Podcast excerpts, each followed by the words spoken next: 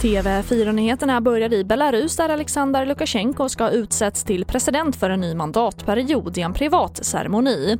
Valet som hölls i början av augusti har kritiserats starkt internationellt för att inte ha gått rätt till och valet följdes av stora protester i landet. Och mer om det här kan du se på TV4 Play.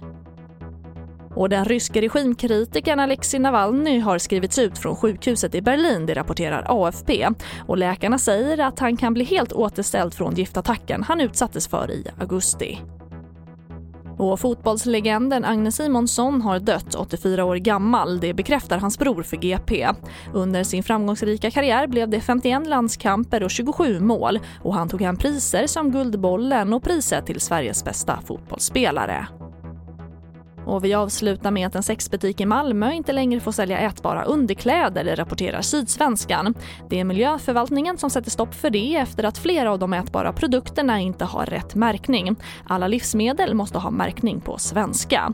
Och det får avsluta TV4-nyheterna. Jag heter Charlotte Hemgren.